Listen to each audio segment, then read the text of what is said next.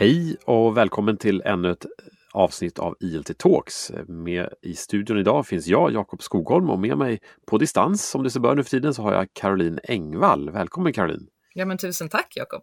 Det låter bra det här. Tekniken verkar fungera. Uh, Caroline, jag låter dig presentera dig själv. Uh, det blir nog bäst så tror jag. Vem är du och varför är du här?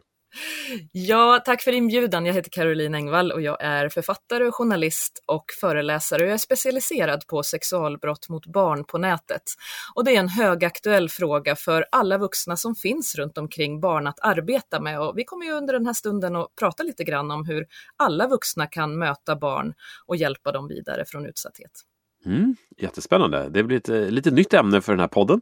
Eh, men för oss på ILT så tycker vi att det är ett väldigt aktuellt ämne såklart i, i, ute i skolan och lite aktuellt för oss också på ILT att jobba med lite nya områden eh, och elever med, med lite olika typer av behov.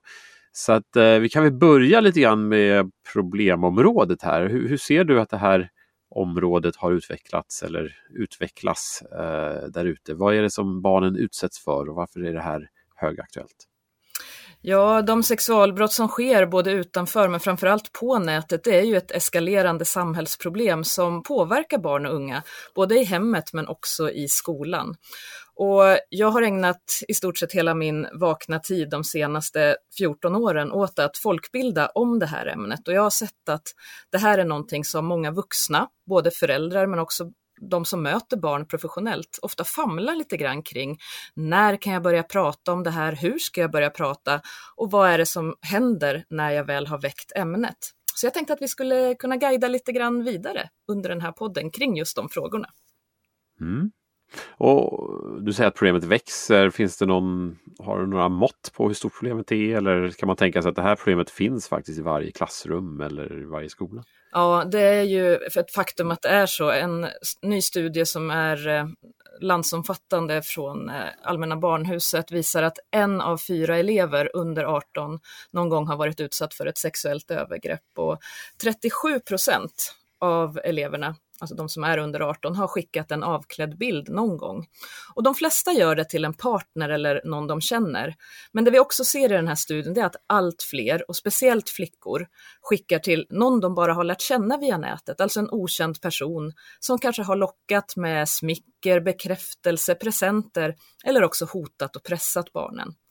Och polisen rapporterar att man får in allt fler anmälningar som rör just sexuella övergrepp på barn via nätet.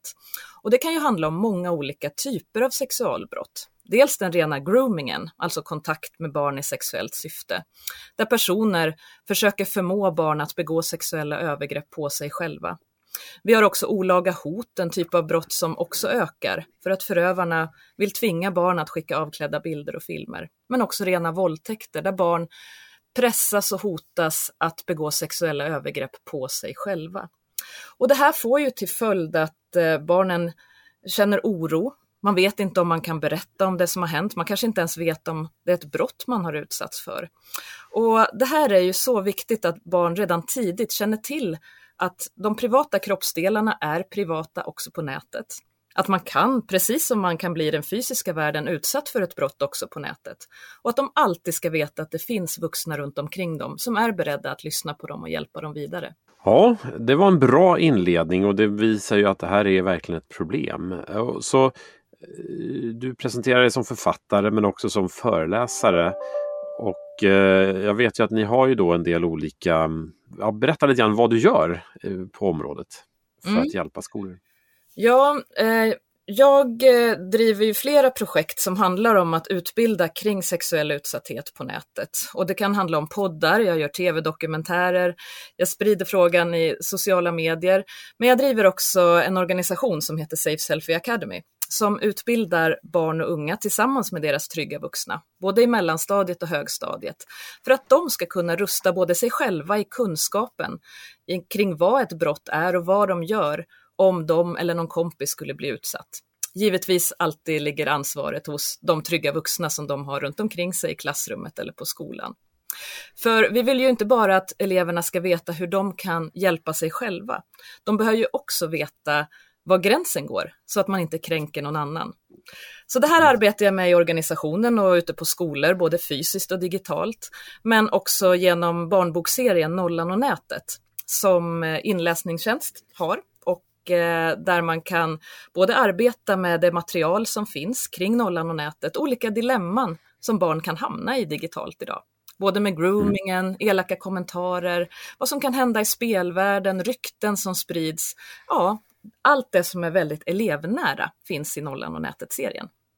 Mm. Och förtydligande där, den boken eller den serien böcker den finns alltså i våran tjänst Polylino skola och kanske till och med Polyglutt eh, som riktar sig mer mot förskolan. Ja.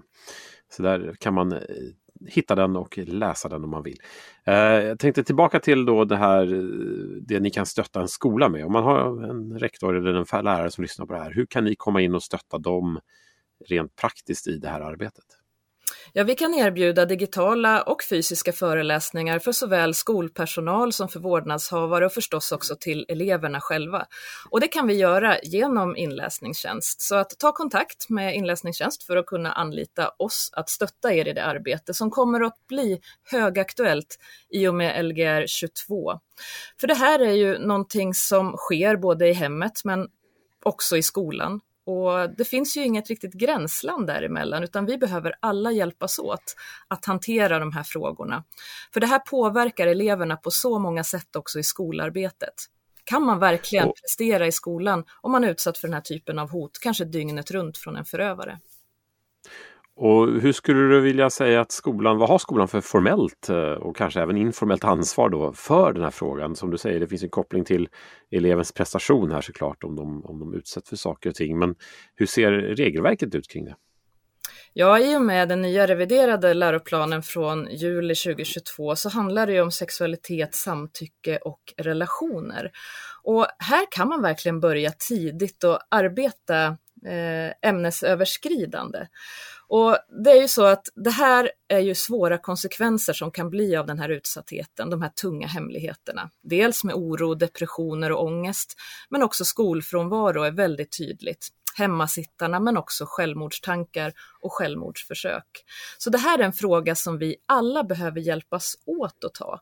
Och inom skolan så behöver man verkligen arbeta målinriktat och man behöver börja tidigt genom att jobba med integritet, både i den fysiska världen men också på nätet. Med källkritik och framförallt också samtycke.